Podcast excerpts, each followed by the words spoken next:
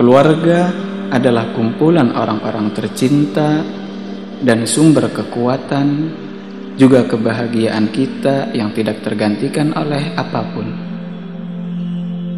Bersama mereka, hari-hari yang kita jalani akan menjadi lebih berwarna. Ada suka dan duka, tapi semua akan menjadi indah dengan segala cerita.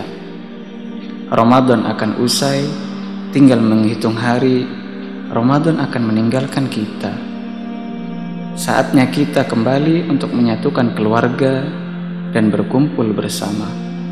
Memfokuskan diri untuk beribadah kepadanya. Berlomba-lomba dalam kebaikan. Berlomba-lomba untuk mendapatkan pahala dan meraih takwa. Akhi, ukhti, rahimakumullah.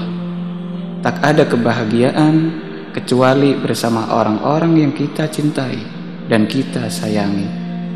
Apalagi bersama selamanya di dunia maupun di akhirat kelak nanti.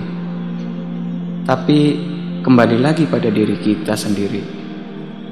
Bagaimana kita membawa diri kita dan bagaimana kita membawa keluarga kita ke surga Allah. Semua tergantung pada diri kita dan kembali kepada kita. Semoga kita dan orang-orang tercinta akan selalu bersama selamanya.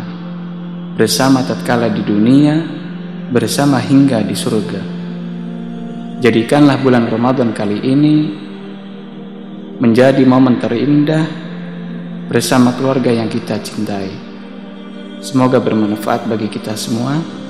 Amin. Allahumma amin.